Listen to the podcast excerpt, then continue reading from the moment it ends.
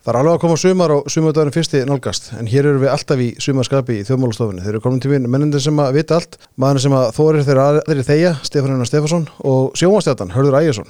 Hlustiði vel, það verður stuð hjá okkur.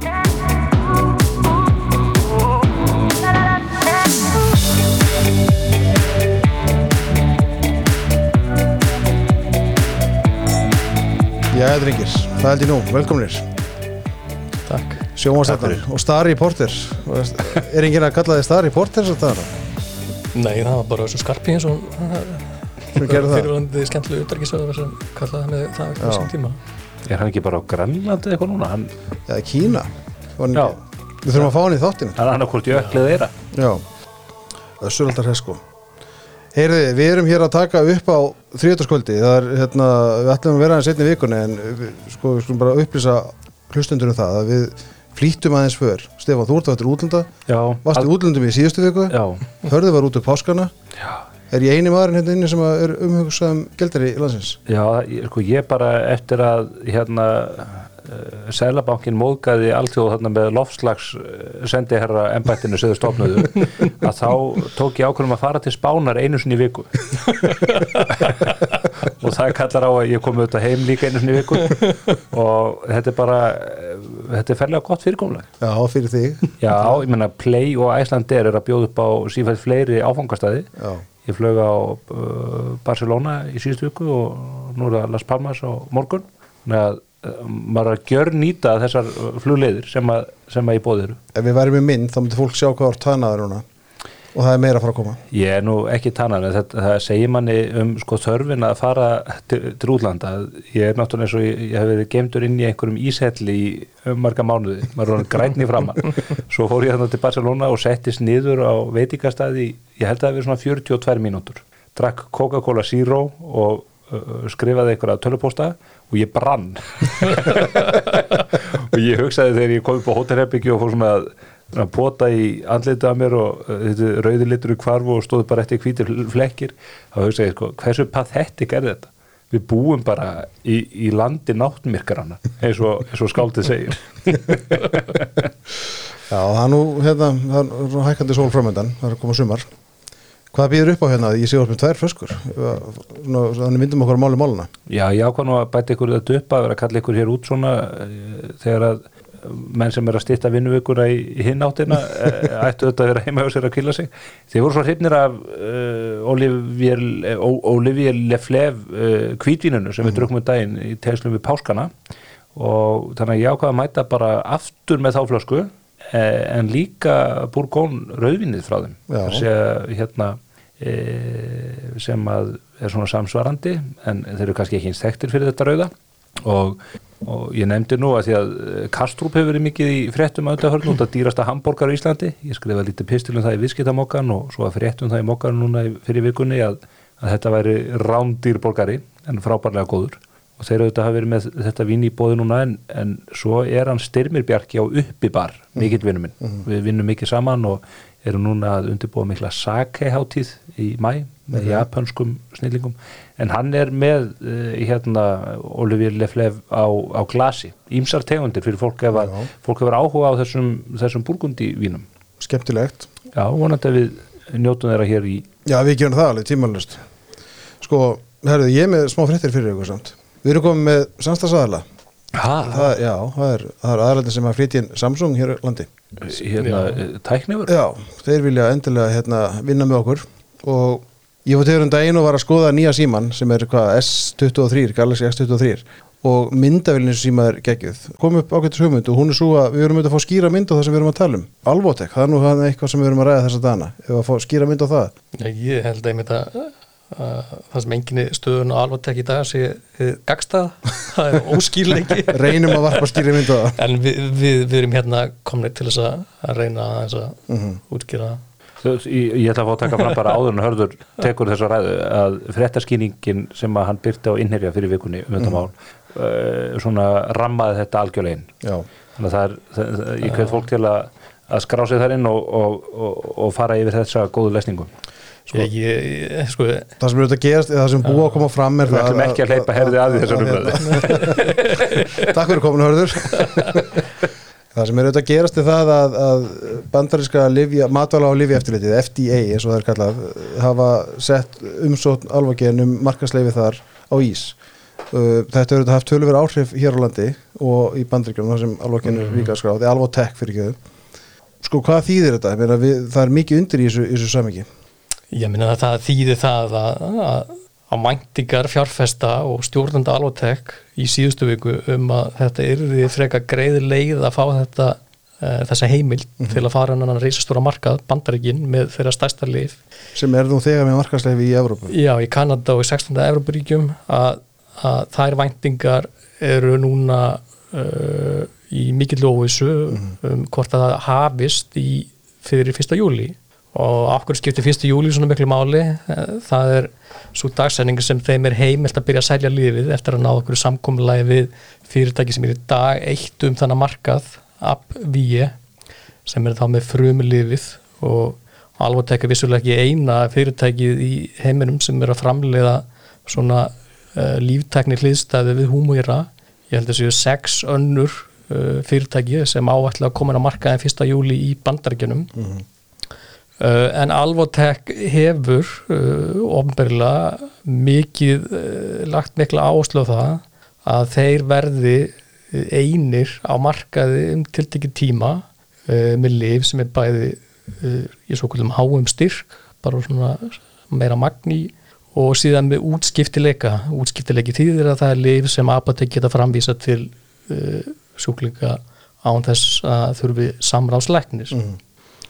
Í, í, í staðin fyrir frumliði í staðan fyrir frumlifið og þetta lif verður, þú veist, mann veit ekki það er verið að áætla að þessi líftækni hlistaði lif kannski lækki livjaverði fyrir neytundur um kannski helming.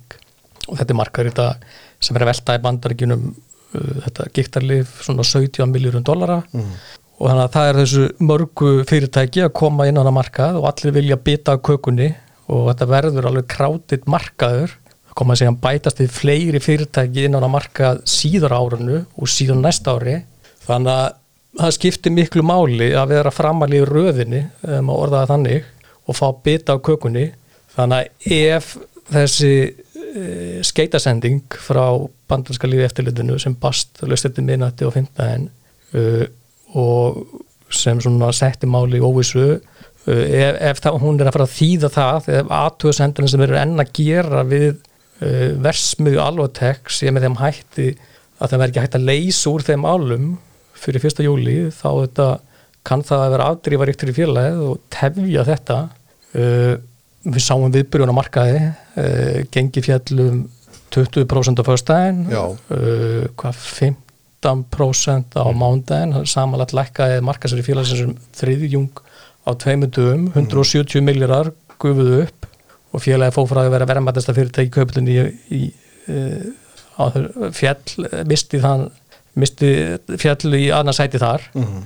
og hann uh, tók aðeins vissir í dag og, og þar hjálpaði til að þeim tókst að afla sér uh, staðfestingar frá bandarskli eftirlitinu þar sem þeim grunaði að eh, FDA virðist ekki hafa haft nægan tíma í að fara í gegnum svarbri alvotek Er ekki þetta svarbrið 250 síður?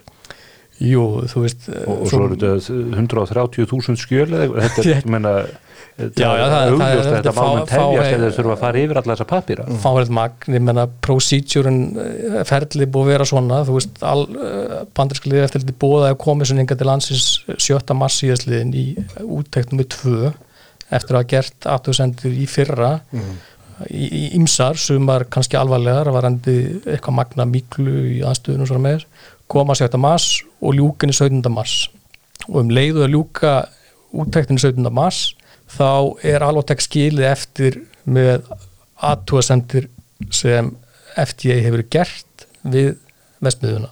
Eh, Þessar aðtúasendir hafa ekki enn verið gerð ofnbörur og það er þetta partur af þessari gríðulega óvissu sem er uppi á markaðanum og fjárfæstar aðeins kallir upplýsingum er að vera alvarlegar. Eh, Ég held að það verði upplýst um þessa aðtúasendir síðar þessu mánuði að FDA munu þá þurfa að byrta þær vegna þess að ímsir aðalega hafa verið að kalla eftir þeim og þur- þurfa að gera lögu sangand en eftir þessi mínar heimildir að herma þá uh, er alltaf aðtöðsendur sem þau gert í fyrra voru alltaf strókaður út en nýjar minni háttar aðtöðsendir standa einhver síður úti.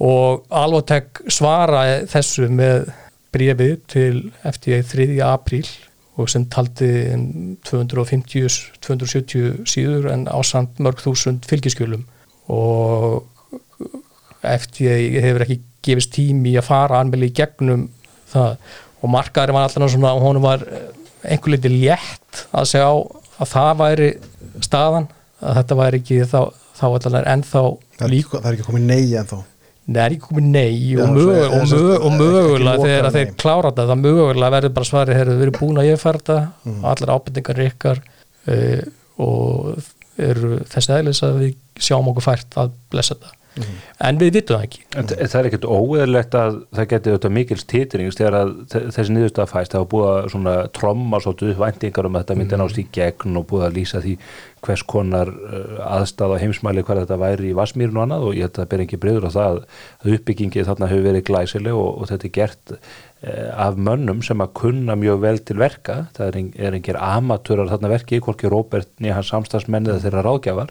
En svo eru þessi svona harkaru viðbröð á markanum auðvitað líka afleiðing af svona, já ég lefum mér að segja gullgrafara æði sem að svona bjó um sig í sambandi við fyrirtækið. Já, það er bara, já það hefur verið, svo ég vís, noti áttu þetta uh, tungutag sko trommaðar upp mikla væntingar um þetta fyrirtæki og bara á vettvangi samtaka yðnaðarins verið tekin viðtöl í beinni á, í, á ráðstefnum við, við Robert og mennur að tala um möguleikana sem að e, þessi framlegsla býður upp á auðvitað markasvirði fyrirtækisins áður en eða sett, verðmatið á því áður en að fór á marka var auðvitað orðið alveg gigantist í, í öllu íslensku samhengi og síðan voru svona betri fjölmjöla menn, nefn ég nú engin nöfn af þeim sem sitja hér við þetta borð sem að þetta voru að flytja fréttir af því hvers konar kanonur verður komin inn í hluta á hópin það var bara, sko þegar það fréttist að Kristján Loftsson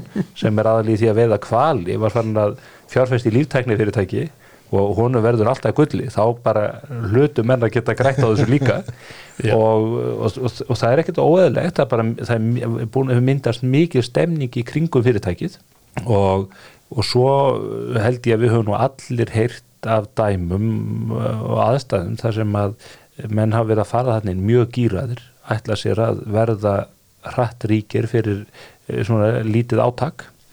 Og það er nú eðli slíkra viðskipta ef að menn eru mjög gýraðir og, kannski í stórum hópum að ef það kemur óvænt eða talsvert högg á fyrirtæki eða virði þess að þá getur það haft magnandi áhrif bara menn eh, neyðist eða í örvæntingu taki til við að selja. Þannig að kannski þurfum við eh, viku, tíu daga til að sjá svona hvernig brefin svona setjast á markaðnum eh, þar til að, þar til að svona hinn rétta mynd blasir við okkur. En Já, má, ef ég já, má kannski bæta við að, að þá er þetta líka augljóst að, að Róbert og þeim er brúðið og þeir telja nöðsynlegt að, að róa mannskapin menna það að hún er dett í hug að mæta í viðtalan þessi mál til Sigriða Dakar Auðunsdóttur í Kastljósi sko, það, það er mikið örvæntingabræð það gerir það enginn um í fullan nefana það er bara tilneitur Já, og, og þetta þessi fjárfestafundir sem að Já, hafa sem verið er hér haldir út um allan bæ. Ve- Vestmann kemur hérna til landsins kom til landsins hérna í morgun og, og er að þetta nýta færið til að hitta fjárfesta og reyna að segja að því margir sem hann getur hann auðvitað einhver leiti dálítið já, hann er greinlega komin heim til hennar hendur. lægi öldur Já, já og róa menn Eða, þú veist, hann, hann, það er svona takmarkað hva, hversu mikið hann getur sagt Mhm. og, og í raun og veru er líka bara sömt sem bara félagi sjálft veit ekki Mhm. eins og ég rækti það en það er alveg hári rétt sem Stefán að segja auðvitað hefur, ég held að kannski fjárfesta margir sem er að koma inn í þetta jafnvel sko fáaðir fjárfestar stórir myndi kannski ekki viðkjanna en einhvers síður held ég að menn hafi ekki alveg kannski uh, til fulls metið hversu áhættu sem fjárfesting í svona fyrirtæki er og, og sko það er nú eitt sem góða maður sem við fyrir mig á þess að ég sé að bera það saman uh, við talandu gutt græfar æði margir auðvitað mun eftir díkót hérna um síðustu aldamót þá Já. Var nú fræ hugur, hugur mér var aðeins komið þóngar núna. Já já, það var nú fræ Sögursviðið Vassmýrin fræg setning þar sem einn maður sem var að selja hlutabrið í Díkott starfaði þá sem fóstumadur í Búnabankunum og stýrir í dag stærsta fyrirtík kaupallarinnar sem svaraði því til þegar hann spurði, spurður um akkurat að fjárfæsti Díkott að það væri meira átt að kaupa ekki. Og hann Já, ég er svo sem ekki að, að jafna þessi saman en hann að, að því auðvitað var vermin orðið mikill og hára félagin, hann var komin í 600 miljardar held í þegar hæst var hann í februarmániði og félagið þetta er bara nýlega að byrja að búi til tekjur. Hann var með tæplega 100 miljónu dollara í tekjur í fyrra en svona fyrirtæki vermið og svona fyrirtæki byggir allur á væntingum. Og menn voru að sjá fyrir sér áallinir um að það er kannski farið að búa til yfir 100 miljardar króna í tekjur árið 2005 mm -hmm. Góðu fréttinnar eru þetta að þannig fjöldin allur af eldkláru fólki með talsverða reynslu af lífjabransanum og þetta er ekki rótök þó þeir séu vangaðir. Það er ekki komið skýr svarum að þetta verði ekki heimilað og nota benni það er byrjað að selja þetta lifa á öðrum mörgum og já, það er, það, fólk er ekki að stráhrinja niður vegna þess að sko. Mm -hmm. þannig að Þetta, þetta, þetta er síðuspark en þetta er ekki rótök Já, þetta já, er svolítið, svolítið þannig. Og minni kannski á aðfæri Róberska hvort haldur í liftunni hættum árið Hvað er það Haldur Kristjánsson í þessum máli? Ég sko, lýsi eftir honum. Það er sko ástæðan fyrir að ég of, vildi opna þessu og við erum að ræða þetta svona ítalega er, sko, það, er, það er nokkur vinkla á þessu sem finnst alveg alltilega að ræða við erum eitthvað búin að fara svolítið í smádrin á því hvað er að gerast nákvæmlega. En það er einmitt þetta með væntingarna sem við vorum að ræða sko. það verður svona ákveðið hæpi í kringum þetta félag og getur náttúrulega orðið í kringum önnu fyrir líka. Veist, er það óeðlilegt eða hvernig Nei, það er búin að kalla eftir og við erum allir hérna á einhvern tímpundi sko, verið samlað því að kaupillin hefur verið alltaf leiðileg mm. þá meina ég að það samsetningin og félugum í kaupillin hefur leiðileg mm og þetta var allir að kalla eftir vaksta fyrirtæki við fengum heldur já, já, við fengum heldur betur vaksta fyrirtæki að því fylgir að því fylgir að þeir mál sangat meiri áhætta. Félagi kemur fyrst þannig á först nortmarkaðin í fyrra og þetta er líka skráðið í bandarækjunum og við erum síðan fært á aðmarkaðin desember. Mm -hmm. og þá byrja svona vendingarna að byggjast upp. Menn það sjá fyrir sér að hversu lengi geta lífyrirsjóðunni sittu á hlýðluginu átt ekki eitt einasta bref í þessu? Það er nú eitt, við höfum eins og rætta hér í þessu já, já. Þeir byrjuðu svona að kaupa sér inn hann í janúar. Mm -hmm. þetta er enga, enga stóra upphæðir en, en, en bara... það, það er samt punktur sko, mm þetta kemur, kemur vaksta fyrirtæki já. með mikið potensial svo ég sletta eins uh, lífyrirsjóðunni hopp ekki á vagnin Veist, uh, sko, við getum rætt personur Róbert Vestmann eitthvað fram og tilbaka en, en þarna kemur samt sko tækifærið sem að margir hafa verið kall eftir, þar með lífyrsjóðnir, þar með kaupillin og Já, það er ekki alltaf sem taka þátt Nei, lífyrsjóðnir koma inn á ákveðnum þeir koma inn á tilteknu tímapunktum mm -hmm. og það er eðli lífyrsjóð að þeir býða lengur heldur en hinn er áhættu sæknustu og koma mm -hmm. þá kannski inn og taka ekki eins eh, mikinn ágóða mögulegri uppsveiflu en þeir lenda þá ekki sama höggin og þeir sem mestu áhættun og takar mm -hmm. vofun vinnur, vofun tapar í þessu eins og öllu öðru og þegar menn segja þetta fyrirtæki er gríðarlega vastatækiveri já, þá skildu menn átt að segja því að því fylgir auðvitað líka áhættan á alltjóni og, og ég, minna, þetta er bara eins og markaðurinn mm. og viðskiptarlífið gengur fyrir sig. Og maður auðvitað vona bara að þeir sem að taki þátt í þessum viðskiptum séu búin að búa sig undir það að verða fyrir höggi að þarna séu allar og mann er sínast það nú á, á hlutaði listan maður, mjög mörgum tilvægum er þetta fólk með þólimótt fjármag sem að kann að tapa pinningum og getur tapa pinningum maður er kannski meira áhyggjur af þeim sem að hafa látið glepjast kannski til þess að, til þess að reyna fjármagna reynsrófurinn eða eitthvað svoleið sko. Mm. og það eru kannski sögur sem kom ekkert upp á yfirborðið allavega ekki fyrst í stað. Mm en bara frábært fyrirtæki. Uppbyggingin sem að það hefur skilað inn í Íslands efnaðarslíf inn í, inn í, inn í Vasmýruna ég get bara tekið eitt dæmi, ég bjóð á Norðubakkanum í Hafnarfyrði á árunnu 2013-15 og þá er þetta fyrirtæki komið á stað í, í svona smærri mynd en nú og ég skildi ekkert í því allt í hennu bara seldust uh, stóru flottu íbúðunar á Norrbakkan og hver á fættur annari og svo uh, fóru bara uh, koma alltaf flutningabílar og það var verið að bera einn flíkla og, og allskinn stór og dýr og mikil húsgáð svona óvanlegt kannski svona einhverja hefbundu fjölbilshúsa uh, hverfi. Og svo bara fór maður að rekast þarna á Indverja og, og Breta og Pakistana og, og Bandaríkjaman og þetta var orðið allt eitthvað mjög undarlegt. Ég hafði ekki flutt í Hafnafjörðin til þess að vera komin í einhverja mín í New York við höfnina þá voru þetta allt starfsmenn eh, alvokinn og alvotek mm. sem að voru að koma sér þarna fyrir fólk með, með börn og, og, og fólk með fjölskyldur. Maður hefur heilt að því að þeir séu komin með sérstætt um, sérstaklega deild í fyrirtækinu til að aðstóða þetta öfluga vísindafólk og, og businessfólk til þess að aðlægast íslensku samfélagi, koma börnunum inn í skóla uh, ná sér í húsnæði komast á íslensku náskeið þess vegna þannig að allt er þetta bara til að auðga samfélagið. Mhm. kannski verður vöxturinn ekki eins gríðalegur menn horfðu fram á, kannski verða einhver bakslöð sem gera þeim erfitt fyrir. En alltaf einu er, er þetta fyrirtæki að auðga Íslands samfélag og mun alveg ábyggilega gera þá komandi ár Já, já, og þetta er eina af þessu byrtingamyndu sem við hefum rættum sko í nokkur ár að hérna, við viljum fá til landsins erlenda sérfræðinga sem að koma með fjölskyldunum sína koma börnunum í skóla og koma sér fyrir og svo framvegis.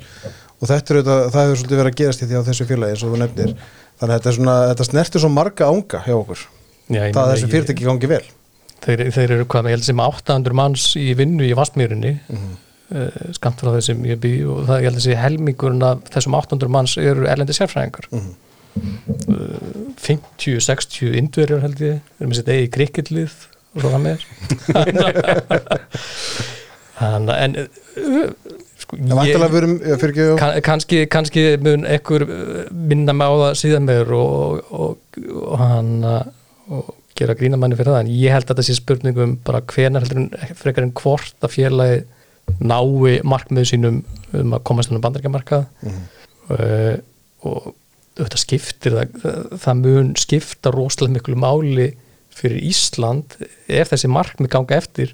Og hann að en þetta er panderska lifi eftirlitinu get ekki staðið á meira saman það Mhm. Að- Fóruð þetta ekki alltaf uh, síga ógæfu hliðina hjá þeim þegar Lára Ómarsdóttir hætti hjá þeim? það að sé- síðan Já, já, já. en persóna Róbers, hefur hún eitthvað að segja í þessu? ég hef ekki einsýn þá, þá er ég að tala um aðkomi fjárfesta og allt þetta Já, það, ég meina stemningin í, fyrir, í kringum fyrirtæki verið svakari miða við þessa uh, þennan darra dans sem var í kringum persónu Róberts og, uh, og þessar árásir fyrir um samstagsmanns hans á hann, ég meina hann gerði mjög uh, alvarlega alluga því að koma honum úr fórstjór og stólnum. Mhm. þannig að það virðist ekki ekki hann, trúlega hann. Hann, hann virðist að hafa notið stuðnings þegar því lög, stjórnar og hlutafa og annara Já, já, og hann er auðvitað ásamt Björgóli Tór, svona einn helsti töframæðurinn í íslensk viðskipt eða svona Íslendingum á alþjóða viðskiptasviðin í dag. Mm það er að segja í, í umsvifum mælt og öðru slíku. En við skulum heldur ekki gleyma því sem er þetta áhugaður staðrend og er eiginlega afleðing af þessari merkusögu farmakó og, og þessu uh, samstarfi livjafræðingarna hér á árum áður í varandi livjaframlegslu í Íslandi að við erum með all nokkra einstaklingar sem að hafa og eru enn bara í eh, helstu topp stöðum hjá, hjá stærstu livjafyrirtækjum í heimi. Já, já. meðal annars tefa og, og, og á fleiri innan fleiri fyrirtækjum Vantilega munum við sjá fleiri svona fyrirtækja og við höfum þetta séð, við erum ekki talið upp hér fyrirtækja að borðið Kerisits, Kontrolant og fleiri sem að eru fyrirtækja sem við svona bindum miklar væntingar til að vaksi og dafni vel í Má ég nefna Oculus? Ég Já. tók í liðinu viku viðtal við Einar Stefánsson auglækni, professor emeritus sem að eh, stofnaði fyrirtæki á svona Þorsteinu Loftsinni lifjafræðingi árið 2003 það fyrirtæki er í kauphöll núna í bandaríkjunum er metið á að tapa 40 miljardar og þeir eru ekki komnir með lifamarkað það er sennilegt að það geti gerst á þessu ári ef, að, ef allt gengur upp eða verði ekki verið skakkaföllum eins og Alvotek og uh, í þessu viðtali kemur bara fram að þeir eru að umbylta meðferð augnsjúkdóma á heimsvísu. Sjúkdómar sem að reyðra um sig í bakenda augans þar segja tommu fyrir aftan það sem við horfum á í glirnum manna. Uh, þar hefur bara þurft að beita stórtækum yngrippum eins og sprautunálum og hvað er, hvað er til ógeðslegri tilhjóðsun en að láta sprauta einhverju í augað á sér? Ég held ekki. Heru, það eru hérna íslenski vísindamenn búin að finna með einhverju nano og einsikru tækni leiðir til þess að láta augdrópa flytja liv inn í bakenda augans. Eh, það, það, er- það eru tíu þúsund augu sprautuð á Íslandi ári. Það er nú ekki smá en í Ég lönd sé það ekki verið í sáta viðtal sko. Eins og í, nei, eins og í, löndum eins og í Kína og Índlandi eru bara þessi tiltekni sjúkdómur sem að þeir vilja ná trítmenti á fyrsta kastið, 100 miljón manns í hvora landi. Og við vitum það alveg að þó að Shanghai og, og Hong Kong og, og, og kannski Mumbai séu framúrskarnandi læknar þá býra þetta stærstu hluti uh, íbúa þessar landa við mjög skerta hefðisjónustu. Það sem ekki er kostur á því að láta sprauta leifjuminn í auga en augdróparnir ferðast hratt yfir og það þarf ekki sérmyndað að lækna til þess að, að veita þeim í, í, á slímhúðu augans. Það getur fólk gert bara eh, sjálft og útaf fyrir sig. Þannig, og þetta er bara íslenskt hugvitt og hver veit nema að ókullis verði innan fára ára 400 eða 600 miljardar við því mm Kannski nettur lokinn þannig ljúku þessar umræðu hefur íslenski markaðurinn svona þroska til að, að því við vorum að tala um sko þessi, þessi vaksta fyrirtæki sem við viljum sjá og, og við viljum að gangi vel uh, þau verða auðvitað flest á einhverjum tímpunkti fyrir einhverjum áföllum. Það kemur eins og við nefndum hér áðan þetta er svona kannski meira síðuspark heldur en róttök en, en það, þau kom alltaf. Hefur markaðurinn þroska til að takast á við þau? Eða þú veist, erum minna að fara að hlaupa í burtu eða hvernig, og þetta áttur að gerast fyrir fleiri fyrirtæki sem að minna koma fram á næsta árum? Já, ég held að hann sé alveg að það vinna verði einhver svona röskun í starfseminni eða kom einhver högg sem að Ég held að við sjáum alveg merkið það að hann er að þroskast á hægt og bítandi. Eh, Þetta var auðvitað geimarlegt högg fyrir markaðan og við sáum það alveg bitna á öllum öðrum félögum. Allir eru litlir í sér og, og, og gengi allir annar að félaga að lækka. Það var kannski við því að búast þegar að stærsta fyrir í kaupallinni er tekið niður um þriðjung. Já, já. Þannig að en það er bara bara- markaðurinn er þannig, hann á að fara upp og niður Já, og, já. og uh, ég held að þroskinn félist í því að, að líka hrista þá út af þessu sviði sem ekki hafa burði til þess. Uh, brent barn forðast eldin þannig að þetta kennir mönnu leksíu þeir sem að fara í ógáti eða of uh, geist. Þannig að ég held að þetta sé bara allt þið besta mál og, og uh, bara áminning um að allt er í heiminu hverful sko. En eru menn Já. að fara of gist menn það ekki sens Nei, ég sko eh, Stefán henni rétt nefnir þú veist og auðvitað hefum alveg heyrt það að sé einhver gýrun í þessum, þessum stokki alvotek eftir því sem ég skoða svona tölur þá hún er nú ekkit sérstaklega mikil og svona heilt yfir á markaðunum er gýrun ekkit mjög mikil það er ekkit mjög mikið í bóði heilt yfir er það ekki en ég er bara að segja inn á já. eru sennilega einhverju lukkurittarar gullgrafar æðið og það er bara fint og það er bara partur af kapitalísku markaði að svoleiðis aðalega eru sko. Og það er bara gera hann dýnamískar betri og, og þeir sem fara fram úr sér og verður bara og tak- eina söga manni sem að hefur uh, grætt mikla peninga um æfina og ég var einhvern tíma að ræða við hann og hann hefur komið víða við í viðskiptum. Og ég sagði hverjir, hver er þín svona uh, bestu augnabliki í viðskiptum og bjóstu einhverju fræðarsögum um einhverja snúninga.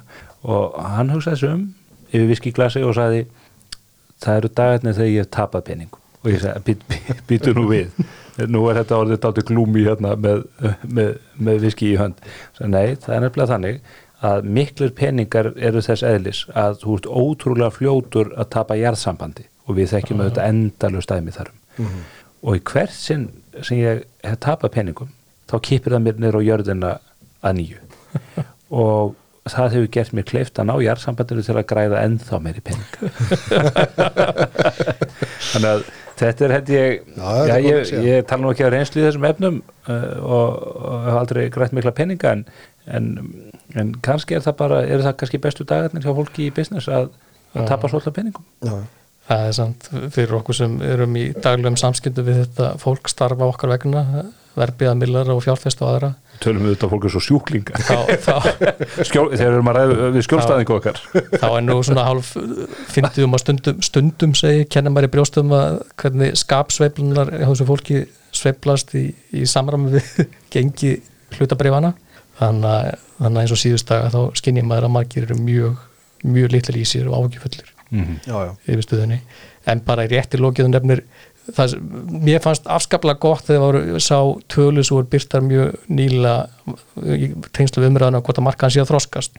Að þetta þegar við sem er margar rætt um er hvað er mi- mikið fagnar efna að fá að nýju fjárfesta inn á markaðin, einstaklinga og mikið til þetta er ungt fólk og, og, og í fyrra tölu sem fjármála eftir litt selabankars byrti nýlega það sáum við að í fyrra sem var nú heldur betur uh, svona segja aðeins á ógjafur hliðin á markaði að það virðist ekki hafa bitið á yngstu fjárfestina, fólk á aldurunum 18-30 ára þar sem hlutvall þeirra á markaði stækkaði langsamlega mest eh, búið saman með aðra aldursópa og ég held að þetta verði, sem Stefanur segir þetta er bara eitthvað svona lærdómur Já. fyrir, fyrir svona fólk. Og kannski eru kauptækifæri í alvotek núna. Þú veist, ef þú ert 25 ára og ert að sapna þig fyrir útborgun í íbúð og gengur hægt fjárfæst í alvotek núna. Meina, ef, að, ef þið fá leifið þá bara þetta að fara að kaupa þér einbílu bara í Já, ég meina, þú bara flytur inn á almennis og segir þetta er mín fyrsta eign. Herru, talandi um skort og jærþingingu og það að tapa peningum eða það ekki að tala um ríkisútgjöld. Það er hérna, er það ekki að, það skengi ykkur aðeins hérna smá kvíkjunum já, ekki, meira fyrir mig takk. en sko, ég verða að fjalla þess um hér grein sem að Katrín Jakobsdóttir, fórstæðsraðara, skrifaði uh, um helgina. Uh, grein sem er fyrirsönduna viðspyrtan gegn verðbólgu. Og ástæðan fyrir ég er að minnast á þessa grein er það að hún kemur inn á þátt sem við höfum fjallað um en skiptir máli að, að svona rýna þess betur í. Og það snýra þeim til sem kallað er argæslur og hún segir hérna í greinni framöndan eru kjærasamningar og svo krafastendur nú upp á fórstu aðurlýsins að sína ábyrð og geta hófs í argæslum en leita fremur alltaf leiða til að koma í veg fyrir að hækkun á vöru og þjónustu leiti út í verlegið Öllum að vera ljóst að launafólk eitt getur ekki borið megin þungana baratunum í verðbólguna. Aðurningundu verða að axla ábyrti jeps. Sko, argreistur skapa ekki verðbólgu. Nei, það er Það alveg skiptir máli í þessu samingi. Þetta er bara ertu bara á móti argreislum, gott og vel, þú mátt alveg vera það, en ekki blanda því saman við verðbólguna og ekki blanda því inn í umræðum verðbólgu. En auðvitað er bara svo mikið ræstni fólkin í þessum ummælum hjá fórsasáðanandi verandi eins og einn mætum aður skrifaði sá ég á Facebook í vik- vikunni verandi stæsti atvinnur rekandi landsins í raun og veru. Já, og e, það virðist ekki fara saman hljóða mynd hjá henni þegar þegar hún kallar eftir svona. Ég held að þessi fá fyrirtæki sem er að borga mikið arð út til eigenda sinna eins og mörg fyrirtæki eigur ríkisins. Landsvirkjun, Landsvirkjun Landsbankinn. og Landsbankin og Íslandsbanki Er það Nei. verðbólgu kvitandi? Það er allan að, þú veist, þarna er allan að Katrin Jakobsdóttir að tala þvert á það sem Sælabankastjóri e, hefur nýlega e, því spurnaði í viðtali fyrir skemstu hvort hann setti sig upp á móti argæslum bankana eins og hann gerði í fyrra e, eða svona síðslu haust þar sem hann var allan að brína fyrir að gæta assir við óvisa aðstæður þá allan að sagði hann þar að, að nei, hann gerði það ekki og benti meðal hans á þvert á það sem fósusöður hann er að segja sem kannski veit meira um hagfræði heldur sælbankastjóri, ég veit það ekki að út frá sjónum þeim peningastefnunar væri það alls ekki slæmt að bankanir væri að greiða út arð til eigenda sinna vegna þess að bankanir eh, peningarnir eru geimdur í böngunum þá eru líklega en ella til að vera lánaður út sem er einmitt það sem selabankin hefur verið að að að að gera það fyrir. Þannig að þetta er afskaplega skrítin skilabóð fórsæsar þetta er, þetta er ekkert skrítið. Þetta er bara populismi í sinni skýrustu mynd, það er svo auðvelt að alla á öfund og öðru sem að vinsi grænir eru sérfræðingar í. Það er hins vegar önnur setning þarna sem þú last upp sem að situr miklu meir í mér og það, það er þetta að, að launafólk eitt get ekki borið megin þungana baráttunum verðbólguna. Vitu, hefur kaupmáttur hefur það aukast hér bara sko viðstöðu laust Bara ævintýralega mikið og fyrirtækin í landin er að taka á sig launahækkanir á launahækkanir ofan eh, til þess að viðhalda og auka kaupmátt í þessum aðstæðum. Og það eru fyrirtækja eigendunir og stjórnendur þeirra sem að sitja sveittir alla daga við að reyna að leysa úr þe- þeim vanda sem fylgir sko, þessu viðfánsefni og það er svona ég verð að segja að þessi grein ég, ég einhvern veginn vona bara að Katrín hafi hvorki skrifað hana nýja lesið hann yfir. Og það sé þá eins og með ekki- þessa grein eins og ræðuna sem hún flutti á aðalfundi Seðlabankans. Sælabankars því að það er svo margt í þessu sem að eh, hún til að segja það að það hafi sko að það hafi verið fyrir uh, gjörði ríkistjórnarina sem að störfum hafi fjölgað mikið í kjölfar COVID. Er byrju störfum fjölgaði gríðarlega í, í kjölfar COVID vegna sem var enduráð í störf sem að aðgerði ríkistjórnarina slóta borðin og gerðað engu. Þess vegna fjölgaði störfum að nýju. Og þetta er allt í sama takt eins og þessu ummæli sem að við spilum hér um daginn þegar þau kynntu ríkisjármála áallun að nú væri nú rétt að hækka skatt á fyrirtækin því að þau skil, skulduðu ríkisjóði fjármunni vegna þess stuðning sem að ríkið hefði veitt í COVID. Einmitt. Þessu fyrirtækin voru bara neitt til að loka og taka á sig endalus högg vegna aðgerða ríkisjóðnarinn og, og það er auðvitað eitthvað sem við einhvern veginn verðist aldrei ætla að komast til bóts í en, en verður einhvern tíma gert upp af, af yfirvöguð fólki. Að það er aðgerði sem gripið var til hér auðvitað í, fyrst, í fyrsta stað e, í paniki vegna óvísum það hvernig faraldunum myndi þróast.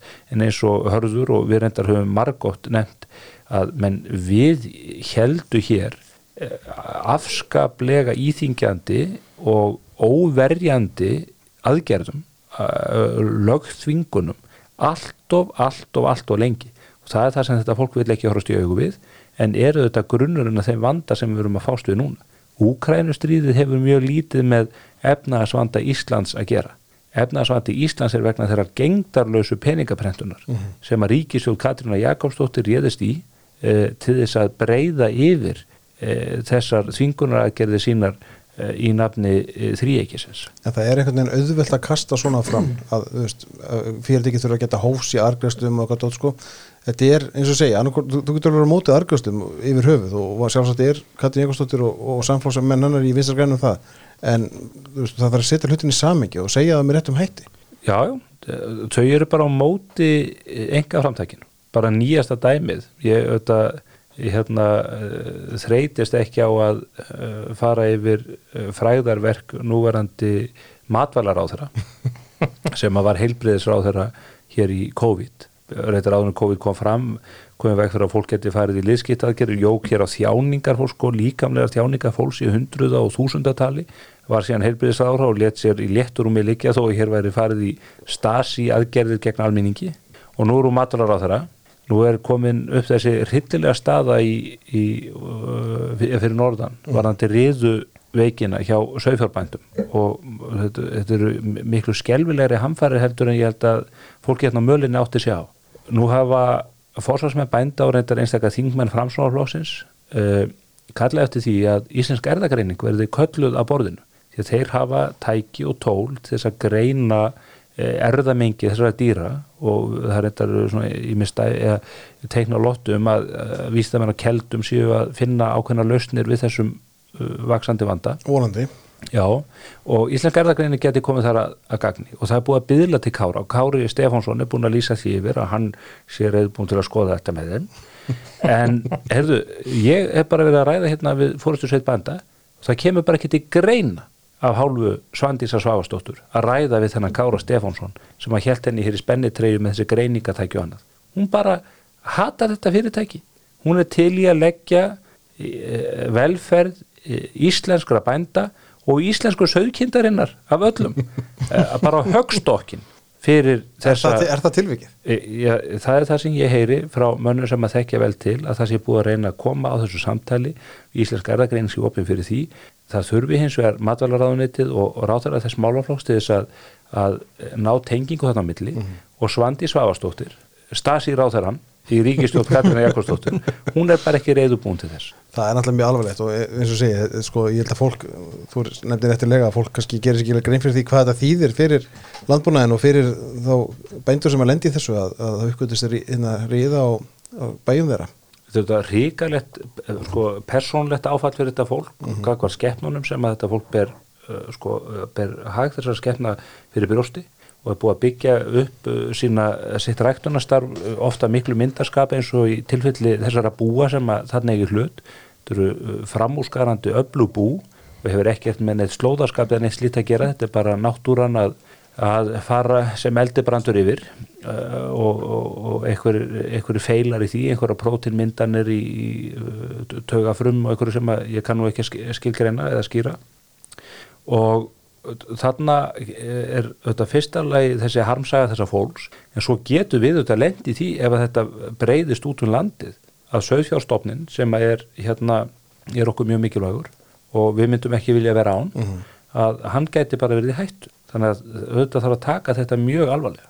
Og ef að Íslensk erðagreini getur komið að lausninni og, eða komið að borðinu og, og, og greitt götu uppgötana þá má einhver einn ráð þeirra ekki standi í vegi fyrir því. Þá verður hann bara að víkja. Já, já, sem hún mun ekki gera. Og mér langar bara til eh, bara í, í samhengi við einhvern veginn þessa hluti að, að bara nefna að þetta er ekkit bara bundi við sögfjárstofnin eða bændurna fyrir norðan nú er matvælar á þeirra greinilega að tromma upp uh, einhverja stemningu gegn sjárútveginum uh, við kýrslit hún og fjallað um í, í fréttum hvernig hún í samkrulli við samkeppnisættilitið er einhvern veginn að í einhvers konar veiðiferðar en að afla gríðalegra gagna en að þessara fyrirtækja.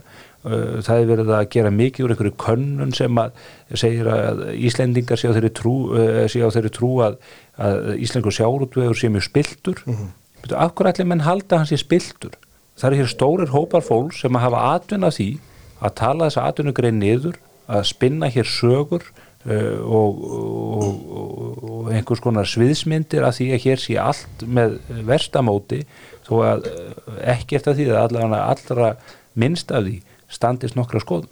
Algjörlega og það er mjög aðtjóðsvægt að sjá í, í sammyggi við þetta svo nefnir sko, þetta er svona samkvörðla millir ráðunitisins og samkynnis eftirlitsins er alltaf komið upp hér í oktober að, að matvaralandi byrti á vefsunum tilkynningum að það þetta ráðast í ákveðna kortlætningu á sjávarátveginum sem að síðan samkynnis eftirliti ræðist í og fær til þess greitt aukalega 35 miljónir að hálfa ráðunitisins og beitir þeim tækjum sem að eftirlistofnunum hefur til að afla upplýsinga og svo framvegis. Nú er þetta ekkit af því að sko ef að, að matvarláðara vil láta kortleika eitthvað yðnað eða eitthvað grein sérstaklega þá má hann alveg gera það.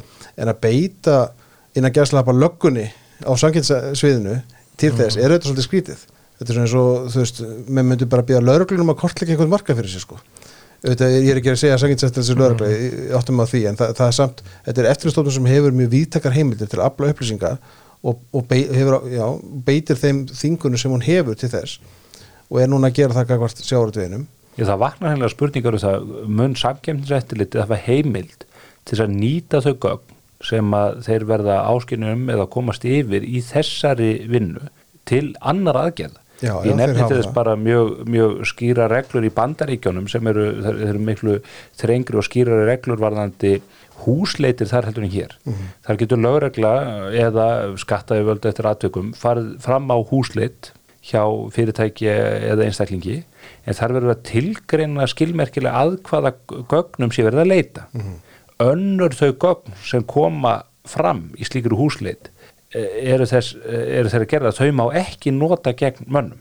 Hérna er það þannig að menn á veikum eða jafnvel engum grunni efna til húsleita eins og Sæðlabankin gerði gegn samhér á sínum tíma. Já, já. svo bara móka menn út Þetta grunnsum lög á gældirinslögum Já, já að því að menn höfðu borgað fyrir skýði dóttur eins stjórnar mannsins að því að það voru lokað fyrir eh, eitthvað kreditkort eða eitthvað sko sem bara e, eitthvað e, fjárstæði kentur Það reyndist ekki steinni við steini í þeirri rannsók Nei, en, en þá var Sæðlabankin og þá voru skattaðjöföld og þá var lögurlega komið með endalust og auðvitað skattaði vel voru ekki afla gagna. Það skiptir máli í þessu já, já, já, já, en það sem ég er að segja að það, það er mjög óheppilegt þegar yfirvöld mm -hmm. búa sér til heimildir eða tilli ástæður til að valsa og skýtum skónum inn fyrir þröskuldin hjá mönnum eða fyrirtækjum. Auðvitað liggi einhver gögn og, og það, það er hægt að teikna hlut upp á versta veg. Það, það er sennilega ekkert fyrirtækja bókað sem er 100% í lægi Er, þetta er ekki englar sem að reyka fyrirtækinn fyrir ekkar en stjórnmálamennir eða, eða lauruglumennir eða aðri í samfélaginu. Þannig að þetta er, það, það er mjög óheppilegt að samkjæmsættilitunu skuli farið þetta verkefni. Af hverju er ekki bara fengin til dæmis enga aðli í þessa kortlækningu mm -hmm. eins og ráðgjáða fyrirtæki eins og McKinsey sem að gera út þetta á landsbítalan Algjörlega. Mm. og svo er líka annað í þessu sem skiptir máli og það er að ef þú ætlar að, ef að samkjæmsættiliti ætlar að rannsaka já, meint samkynnsbrót eða, eða í þessu ekki kortleika markað. Það lítur að vera einhver markaður sko neytenda í þessu samingi hver eru neytendur að, að hérna, vörum íslenska sjávardsfyrirtæki það er það mestuleiti erlendir aðlar þannig, þannig að það er engin sko fórnalömp inn að geslapa í þessu samingi þannig að það, það gerir þetta þetta ennþá skrítnara en við sem fjallir það setna en ríkið er á mjög undarleiri leiði þessu samingi þessu öllu saman Ég ætla bara að spá að því að uh, hörður var að koma hérna með spáum uh, sko hlutabrið að verði hjá Alvotek eh, að, hérna, að þá ætla ég að spá því að, að þetta eins og þessi könnun og, og þess, þetta fyrirlestur að hald hjá varaformanni viðreistnar og annað í, í skjólu þessa verkefnis að þetta sé allt gert til þess að eh, búa til stemningu og aðstæður til að eh, brjóta niður fiskveðistjórnarkerfið sem við búum við í dag. Ég er algjörlega sannfarður um að núverandi matvalar á þeirra hefur mikinn metnað fyrir því að, uh, að kollvarpa þessu kerfi. Og það reyndar uh, það sem hún er að gera uh, líka reyndar í landbúnaðanum og allar þar aðgerri sem hún er að grípa til að þeim vettvangi er til að íta undir svona einhverja sjálfbæra svona einstak, eitthvað sjálfbært einstaklingsframtak svona einhver pínulítil verkefni sem að skipta engum máli í hildarsaminginu og það er allt gert á kostnað hinnar hagkvæmu öflugu matvælaframlegslu sem að þó er búið að byggja upp í landinu mm. Og það er auðvitað það sem við sjáum bara alltaf gert í sjálfútveginu hérna að það er endalus að kröfur um að íta undir strandveðar byggðakvóta sem að fyrir að halda uppi einhverjum vonlausum verkefnum og rauvarhöfni einhver staðar. Eitthvað sem skilar engun í þjóðabúið? Skilar engun í lokdags en þjónar svona pólitískri lund og, og hagsmunum þessa fólks mm. og ég held að það sé það sem að þetta eða svona þessi kortlækningu öll gengur út á. Við sjáum, við sjáum til að mynda mannallarna í fljóti brætti tveim sjá, stórum sjástfyrirtækjum sem hafa bara sérstaklega vísað í, það, í svona vinnu sem er í gangi á stjórnvöldum uh, Brim, fórstur í Brim á síðasta alfundi þar sem hann sagði bara að félagi væri núna búið að setja á ís allar meiri háttur ákvarðanir varandi fjárfestingu annað mm -hmm. á meðan meðan þeir vissu það væri verið að vinna í endur, verið að endurskrifa lögjunum stjórn fiskviða mm -hmm. sama við um vinslustuðuna sem er búið að draga til allar að búið að fresta það ekki fyrirhöru uppbygging og fiskvinnslu hjá sér. Jú. þannig að þetta hefur þetta afleðingar jafnveg þótt þess ekki byrjið að taka slikar ákvarðanir. Já, já, og í, hva, í hvaða tilgangi, allt er þetta eins og við búum að rekja hennar þjónarreirinu veru að loka þeim endalega tilgangi að smá sama grafa undan samkeppnisæfi mm. eins mikilvægast á útfrunnsgreinar landsins mm. og, og þetta er bara einhvern veginn svona undirlíkjandi tótn í pólitíkinni meir og minna einhvern veginn uh, fyrirtæki sem ganga vel eru uh, að skapa hérna raunverulegu verðmæti enga framtækið, enga fjárfestar uh, uh, allt er þetta vinni ítla það átti sér til þessum kostulega byrtingamindi viðtalið við Einar Þorstensson skiptastjóra eh, hérna, hérna, verðandi borgarstjóra í Reykjavík sem tekur við núna um áramótin út af ljósleðaranum ljósleðarin er, er, það, er annað, er ja, það er bara eitt dæmi um geggjun. Nú, þeir eru núna búin að viðkjanna ljósleðarin er í vandræðum fjárháslega og fór þarna í fjárfestingar eins og morgunblæði hefur hann fjallaðum já, já, fór í fjárfestingar á innviða, innviðum hjá sín og, keifti það fyrir marga miljard án þess að eiga fyrir því. Mm -hmm. og ætlaði sinna að leita til borgarinnar og þá kom auðvitað í ljósa borgin átti ekki heldur fyrir því og eiginlega miklu síður. Og þá eru góður á dýr svo dýr að það kalla kannski að vextu upp á 11% eitthvað slíkt hjá, hjá landsbankanum og, og Íslandsbanka og þessi bankar eru nú, núna bara fannir að loka fyrir, fyrir lána kjör eh, eða lána möguleika borgarinnar og hvað segir þá Einar Þorsteinsson? Þeir ætla að hleypa enga fjárfestum að ljósleðaranum þeir ætla að hleypa þeim að bara eins og að, að þarna sé bara eitthvað toxic mál í gangi. Og, og í staðis að segja bara, hefðu, ef ekki bara viðkjöna málið, við ætlum að fá enga fjárfesta til að skera okkur úr snörunni. Já, já. snörunni sem við komum okkur í að því vorum að höndla með peninga og verðmæti sem við áttum ekki sjálf. Og hversu, hversu að því hann ætlar að hleypa og opna dyrnar hann fyrir fjárfestum? Upp að 40% já, ég, ég, hversu, ég held að svo röð verði ekki íkja löng. Hversu margir fyrsta lagi eru búin að skilgrana mjög vandlega, finnst við að hvaða fjárfestar á mati e, borgarinnar og orkuveitunar eru þess gæfu aðnjótandi að mega koma ljósleðurnum það að það verðist bara að vera lífyrirsjóður og, og heldur það sé spennandi kostur fyrir lífyrirsjóði eða aðra fjárfestar sem fá blessun uh, orkuveitunar eða borgarinnar að vera með minnu hluta að móti Reykjavíkuborg í ljósleðurnum sem ræðist svo bara í alls konar verkefni í þessu semmingu ég, bara... ég hef mynd miklar ágjörð því að þetta getur orðið þannig að, að þeir allir sér að mynda þetta byður og þjárfesta að þetta endur bara svo byðsalur döðan og, og þar verði þar staldir menn stutt við og ekki til neitna fræðarverka. En sjáðu samt sko umræðinu kring þetta. Nú ætlar sko, nú vil orkuveitan sem er þá eigandi í Rósvegarans og, og þetta er það bara borgastuða lóku sem ræði því með vilja ebla starfsemi ljóslegarans til að ebla samkeppni í landinu. Nú er hérna Erlendur aðalega búin að kaupa nýlega búin að kaupa Mílu. Uh, það er ekkert sem kallar á það að ljóslegarin ofinbært félag fari í mikla samkeppni við Mílu. Og ef þeir vilja gera það er það ekki best að engaðalar gera það? Heldur en að borgin sé að hætta fjármagnir til þess eða alltaf- að plata lífyrirsjóðan til þess líka? Það var alltaf meir líkur á því ef einar hefur áhugað því að búið til stóra röð að hann bjóði þá meira hluta í fyrirtækindi sölu. Já, ég segi það, annars seljum við bara allt fyrirtækið ekki sko. þetta er svona En byrju, hvað heitir hann aftur þessi sem að steg þarna fram e, í borgarstjórninni? Tru, Tru- trusti Trösti, er hann fyrir Sósíalistaflokkinn. Sósíalistaflokkin Hann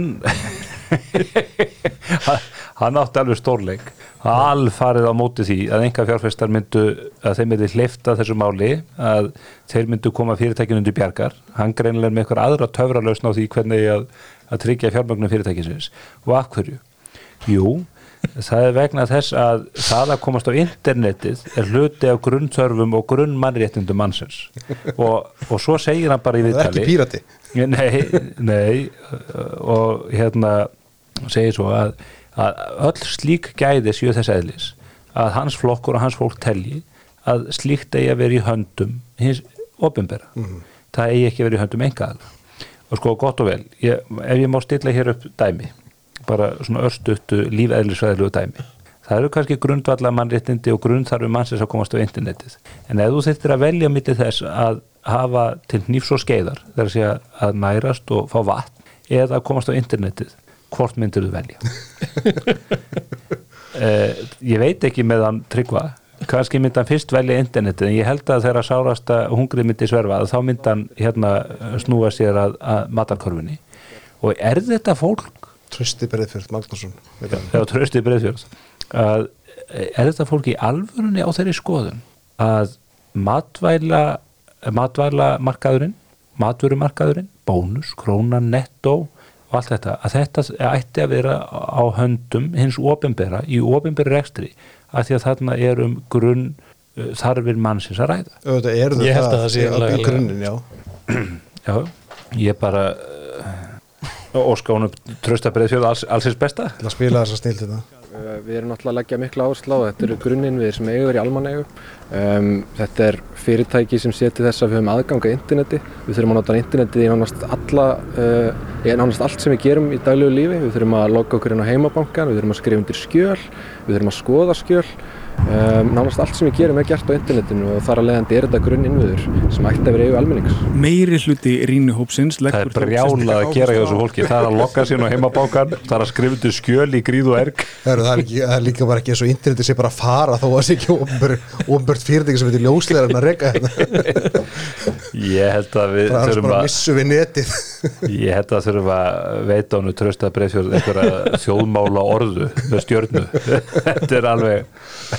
Þetta er er bara þetta er bara maður sem er bara fættur uh, bara um já, sennilega bara jafnvel á 21. öldinni hann er sennilega fættur á öðru árþúsundi en við og, og samt talar hann svona Hva- hvað er árið hann fættur? Já, ég er ekki að flöta því. Nú. Eitt í lokin, það er hérna hörðu, þú, þú sem allt veist hérna, hvað er þetta samruna Vís og Fossa? Já, hann uh, það eru tveir mánuði síðan að tilkynntum að Vís ætlaði að kaupa Fossa. Mhm. og hann uh, og það finnum við að draga til tíðinda. Ég held að Stefán uh, Hjeðin uh, stjórnaformaði Vís hafi á aðfundi félagsins í, í síðastu mánuði verið að, að svona ha- gefa væntingur um að við myndum vantilega að sjá til lands í, í lók þessa mánuðar og hann uh, svo held ég rættum á sín tíma það var þetta uppi alls konar vangaveltur um, um verðmiðan á fossum í, í þeim viðskiptum. Uh, það verið að verðleggja fossa á 5 miljara uh, þeir fá aðfend breiði vís einhvern rúmlega 13 bóstar hlut. Og hann að ég held að það verið skipta skoðanir uh, á meðal fjárfesta í vís uh, hvort það sá verðmiði eigi rétt á sér. Og maður hefur heyrt ímsa rætti þar og margir hugsi við því. Og það sem kannski hjálpar ekki myndi ég halda fyrir uh, fossa menn í, í þessu viðræðin sem er nú eiga sér stað að þetta er í mildtíðinni búið að vel að hafa fa- bankar fallið í bandarækjunum og, og svona óviss á mörkuðum er að aukast. Þannig að það verður áhvert að sjá hvort að það verði eitthvað Segir það eitthvað til um stöðu Fossa? Ég, nei, nei. Það, þetta byrtu ásreining hennar fyrir skemstu og hann uh, þetta búið að leggja mik mikið kostnað í, í uppbyggingu og félaginu. Um, uh, en ég held að það sé líka alveg ljóst sem hafi sést þar að þeir, þeir þurfa kannski meira á þessum samrunu að halda heldur við vís eða morðað þannig? Uh, Það er ekki vís á svona einhverju nýri hugsun og, Jú, ég jú, til þess að ég meina þetta er einhvern veginn alltaf svona eitthvað gamalt sambands fyrirtæki. Þessi, þessi samrunni meikar fullkomi sens við bæði þessi félug sko. Vís er búið að vera dálítið afvega leitið um orðað þannig undan ár. Þeir hafa mist rosalega hlutild í, í tryggingabransanum. Hlutild þeir bara verið örtlekkandi þannig að þarna gestum færi uh, á því að stækka þessa eignastringastarfsemi sem eru að koma á fót mjög hratt og örgulega með þeim innviðum sem Fossar er búin að fjárfæst í undanfæri misseri. Þannig að, þannig að ég held að sé alveg perfect fit fyrir þessi félög. Ég meina, svo fjárfæst ekki vallal til einskis hjá Fossum. Nei, nei, alls ekki. En hann að þetta er þeir eru búin að þeir eru konum með 35 manns í vinnu búið tvöfaldar stafsmannafjöldan og, og hann að og þetta er þetta svona góð leið fyrir Fossa til að flýta því að þess að komast að þann stað sem við vilja með að, að renna reksturinn minni í vís. Og ég vissum að við munum sjá augla frekari sammenningar sinni í kjölfarið á grunni þessa fyrirtækis. Eins og Þeir- við bara við séð með kviku menn horfa á kvikubankakunni sem eitt fyrirbæri í dag en sko því líkir samrunar og Örugglega tíu fyrirtæki runnið þannig inn í já, mikla fléttur og sennilega er bara eh, svipaðu snjóbolt eða rúla af stað og, hvernig sem verðmyndunin verður á milli þessara fyrirtækja þá sér maður ekki annað fyrir sér en að allavega fóristu fólki sem veljist til þess að leiða þetta áfram séu svona helstu persónulega leikendur innan fossa. Já, þaðan er hugmyndafræðin á, á bakvið þennan samrunna og möguleikarna komin. Uh, auðvitað eru síðan þessi fórstjórumál hjá Vís hafa verið auðvitað forvitnileg. Við tekið þau aldrei til umfylluna frá því að Helgi hvarfa vettvangi. Og, og ég held að þetta verði mjög spennandi að fylgjast með þessu hver, Já. hvort að þessi blokk ná einhvern veginn að, að taka á sig mynd. Ég held uh, Ste- Stefán nefnir réttilega að þú veist eins og Harald og Stengrim sem stýra fyrir í fossum og, og ha- hafa byggt upp þetta feikilöflu að verðbyrja fyrir þetta ekki. Og svo ertu með vís með einn stætt stæsti hluthafin í vís er skil fjárfæstingafélag mm. þar stýri fyrir ásker Helgi Reykjörð og er nýlega komin í stjórnu vís, hann þetta var einna líkistjórnundum kvikubanka á sínum tíma í að byggja upp þann banka. Ég held að það sjáu það allir sem þekkja til að, að hugmyndi með þessum samruna sérstaklega nú þegar kvikabanki er að fara að renna inn í Íslandsbanka líklega að þarna sé Eða renna sama af Íslandboka já, já, renna saman að, að þarna sé hugmynd mögulega opnast eitthvað, eitthvað tómarum til að búa til kviku banka 2.0 á grunni vís og, og fossa. Og það er skipti sköpum í að stekka eignastringastasemina og þess vegna eins og ég sagði á þann að, gangi þessi samræn eftir sem ég held að hann gerir þá munir þetta félag öruglega að horfa á önnu tækifæri á, á þeim markaði. Mun þetta hafa einhver áhrif á já sko ekki, ekki, ekki þessi einu samrunu auðvitað en svona hvernig málun er að þróast mun það hafa einhver áhrif á svona kannski lánsæfismat landsins til lengur tíma? Já, sko, það hefur verið mjög áhugað uh, þykir mér að sjá margar svona stórar kanonu núna á allra síðustu vikum uh, byrja að vekja upp umræðu um landsæðat maður Íslands sem kannski held að venjul fólk er ekki mikið að pæla í en skiptir gríðalegu miklu máli. Uh, fyrst, fyrst í bara síðastu mánu var Bendik Íslandsson í bankastöru Arjónbanka sem tók þetta upp í á fundi samtaka einaðarins og, og, og taldi að, að landsætt mat Íslands meðalans byggt af því sem hann heyrði bara á fjárfestafundum ellendus og annað væri lærra heldur nefnistæðu til og vísa bara til þess að bara þær stóðir sem eru á baki þjóðabúinu eru miklu fjölbreyttar og sterkar heldur en fyrir fá, nokkur márum síðar til viðbúta við gjaldiris, stóran gjaldirisforða og svo framvegis. Uh, Sælabankastýru tók undir þetta. Uh, ég heyrði Lilju Alfredsdóttir sem þekki nú vel til í þessum málum að hann hætti unnið í, í samskiptu við matsfyrirtækin á sínum tími í Sælabankunum ræði þetta líka á Sprengisandi og við og innherja núna um helgina greindum frá uh, ummálum sem Sturla Pálsson uh, sem er frangandastöður markasviðskipt og fjárstyringar í Sælabankunum og er svona maðurinn sem leiðir útgáfu íslenska ríkisins og ellendu mörgum uh, rætti þetta líka í viðtali sem var tekið fyrir árunu hjá fagtímaríti á Erlendu fjármálverkum Global Capital. Það sem mér hefur þótt svona skína í þessu ummæli meðal annars hjá Lilju og, og kannski Sturlu líka er að þarna er kannski líka einhver marki uh, verið að gaggrina að það sé ekki staði nægilega vel að þessum málum í dag að hálfu stjórnvalda. Og það sem hefur þau eru nú stjórnvöld, Lilja og Já, en það sem hefur sko, það sem hefur breyst þessi málefni samskiptu við matsfyrirtækin ha- voru frá árið 1987 til 2019 á borðið Sælabankans og Lilja var út af einu af þeim sem uh, var, var með þetta verkefni á sína samskiptum alþjóða gjaldurisvosins og Jón Sigurges var frangtastjóri þarna í Sælabankunum og, og var í þessum stýrið þessum málum held ég allt fram til 2019 en þá færist þessa málefni yfir til fjármáránsins og, og ég ætla svo sem ekki að hjóla í, í þá sem eru með þessi málefni á sinni könni og fjármáránsinu þessu ekki að standa sér nægilega vel. En þetta vekur það, það er það raunin? þetta er alltaf vekur spurningar að eftir að okkur tókst að losa höftinu 2015 sem hafði fram að því hafði verið hafði lánsæðum Íslands haldist frekar látt en síðan hækkaða hraðar ekki lánsæðismat til einhver þjóðuríki hefur jafn, hækkað jafn hratt jafn skömmu tíma og gerð á Íslandi árum 2015-2017 og Íslandi með lánsæðismati singulei en síðan hefur það staðið óbreytt á 2017 þrátt fyrir að, að hagkerfið sé að verða fjölbreyttara, öflugur á Ég, við sjáum með hugverka innan komið við 15% unglustekju landsins. Uh, ferða þjónustan einn stór eins og allir vita. Og mæntingur um að hugverka innan að sé að vera að stækka ennþá meira gjaldrisvorun stór og svo framvegis og framvegis. Og þetta skiptir sérstaklega miklu máli núna þegar við erum að augljóslega að fara siglinni aðstæðar þar sem vextir verða háir aðstæðar og ellendu fjármaksmörkum verða erfiðir Verða- ja, verða erfiði fyrir bankana uh, lánsæðismæti ríki sem setur þak fyrir kjör allra annara og þetta fyrst og fremst bankana. Og er það, þetta markasetningarmál?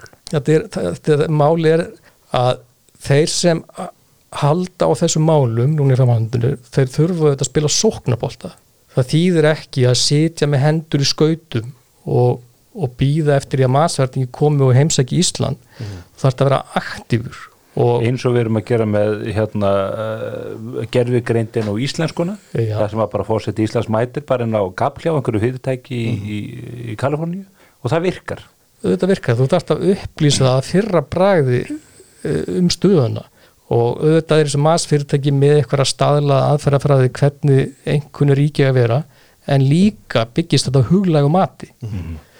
Og þetta, það var líka áhugavert að sjá eins og frangundastjóra hjá Barclays í sama viðtali eh, sem Sturla Pálsson var í hjá Global Capital að benda á þetta er frangundastjóri hjá Barclays sem hefur verið að koma að útbúðum bankana erlendis meðal hans í útgáfum sértryðum útgáfum í Evrum på síðkastið. Það sem hún bendi á að hún væri þeirra skoðunar að, að útgáfa bankana þar hafa verið greitað sem singulei og hún sagði að eina ástæðan verið því að þær væri ekki hærri vegna þess að það geti ekki verið hærri en Íslenska ríkið. En hennar mati ætti, ætti Íslenska bankanir fyllilega skilið doppulei og jafnvel trippulei á slíkum sértryðum útgáfum. Og þetta skiptir málið núna eins og ég var skiptir bara mjög máli. þegar við erum að fara siklinni ástand þar sem verður erfitt fyrir bankana að fá aðgengi að lánsfjármagni á skaplugum kjörum. Þess vegna held ég að, það, að menn þurfa að setja aðeins meiri kraft í það að reyna að koma þessu á betri stað af því það er alveg rauk sem standa fyrir því. Má, eh, ég má nefna eitt svona hliðstætt dæmi. Þess að var eitthvað svona markasetningar hlutverk þjóðríkja. Eh, fyrir nokkrum árum þá flutti eh, ég, hvort það var á fundi á sátökum ég, ég held að vera hjá viðskiptaráði þá flutti Þorsteinn Már Baldvinsson ræðu og var að ræða um sko, stuðning stjórnvalda við markasetningu sjáurfangs þegar við erum alltaf að tala um það að íslenski fiskurinn njóta ekki sannmælis á erlendum mörgum ekkert frekar en bankarnir kakvar nánsæðismatsfyrirtækjunum og þá dróðan um mynd af eh, ferðalögum annars vegar íslenska sjálfútvegsráðarans og hins vegar norska sjálfútvegsráðarans sem er í harðri samkettni við okkur. Þið kannski munið eftir þessari mynd. Já, Já. annar á þeirran flög bara á milli Íslands og, og, og Belgíu þar séu að milli Keflaugur og Brussel og var bara alltaf á fundum í Bellamon og, og þessum, þessum stjórnarásbyggingum Európusambandsins, ég hafði þó við séum ekki í Európusambandinu, þeir eru svo að dreifin mynd af norska sjálfdursáðaranum hann var svo útspitt hunskinn um allan heim. Fórum alla Afríku, vítt og breytt um Suður Evrópu, allstaðar að tala máli e, norsks sjálfdvegs mikilvægs uh, yðnaðar eða atvinnugreinar og gjaldiri skapandi greinar. Og við erum ekki að tala um óljumálar á þeirra þetta er sko þeirra og, og þetta eh, sko, ég satt undir þessu og ég hugsa bara hva, hva, af hverju er þetta svona? Og ef þið hugsið út í þetta því við höfum tekið þessa umræði hér áður í þessum þáttum af hverju er þetta með íslensku stjórnmálamenn að þeir eru aldrei að tala máli atvinnugreina þeir eru alltaf bara að tala um það hvernig þeir geti haft meiri pening eh, að þessum atvinnugreinum mm. til þess að þjóna einhverju sérlundari stefnum þjóðarhöll í lögardal eða, eða brú yfir þetta fljóti eða hvað það er það er aldrei verið að tala um það hvernig getum við breytist þetta ekki? Ég, nei þetta er einhvern veginn, það er eins og okkur skorti erum við ekki bara fimmni við þetta í dag? ég held að fólk skorti yfir sín mm. að átta sig á því að öll uh, lífskeiði sem við búum við í heilbyrðisjónustu, velferðarsjónustu, mentun og öðru er grundvöldluð á útlutningi mm. á vörum sem við náum að selja frá Íslandi hef ég einhvern tíðan sagt ykkur þarna frá eh, ummælum Úlfars Fimbjörnsson nei, hérna Úlfars á hérna, þeirra með frökkum í viðtali við Mark Kurlanski kanadískan velunablaðmann sem að skrifaði bók sem heitir Ævisaða Þorsksins. Og hann kom einhvern veginn til Íslands og var, hann var að afla gagna þessar bók sem fjallar um það hvernig Þorskurinn hefur breytt manginsögunni, mögnuð bók mm. og Ólar Hannibalsson þýtti hér á sín tíma. Og Mark spyr Úlfar af hverju hafa Íslendingar allir borðað Þorsk? Já, þó við höldum að Íslandikar hafa alltaf borðað þorska þá var það bara síðustu 20 árum sem við verið að gera það og menn segja, já við borðum ekki þorska þegar alltaf maðkur í honum en Úlvar var með allt annað svar sem var rétt að svarið. Íslandikar borði ekki peninga. Þorskurinn var eini fiskurinn sem við gáttum búið til peninga á í útlöndum mm -hmm. og var það sem að byggði grunninn undir velferð Íslands í, í árdaga velferðarsamfélagsins. Og við þurfum að stjórnmálumenninir við, við verðum að fara að fá fólk hérna á þing sem átt að segja því að eftir því sem að við náum að skapa umhverfi sem skapar meiri gælduristekjur þeim mun skemmtilegra verður að búa á Íslandi. Þeim mun betra verður að verða gamáll á Íslandi. Þeim mun betra verður að veikjast á Íslandi og fá topp þjónustu. Ef við hlúum ekki þessu þá munum við ekki einu svona af efna á livjónum sem að Róbert er að framleiða í Vasmír Getur verið bara að stjórnmálum en skammi sem fyrir atvinnlið? Ég, er þeir ekki bara eins og hann tryggvi bara upptegni við að skrá sinna á heimabankar og lesa skjöl og, og skrifa skjöl á netin ég er bara ekki tíma til að pæli þessu. Grunnþarfinnar liggja bara allar á Facebook. Herðu þetta er orðið mjög gott hjá okkur drengir, Stefán ég segi bara góða ferð til Spánar. Já þakka fyrir, ég hérna, kem heim og tekum næsta þátt áður ég fer aftur til Spánar. Við þurfum kannski að stilla þetta svolítið af. Kannski náðum að grípa því þetta Já, millifluga, ef ekki að skála? Hörðu drengir, takk fyrir komuna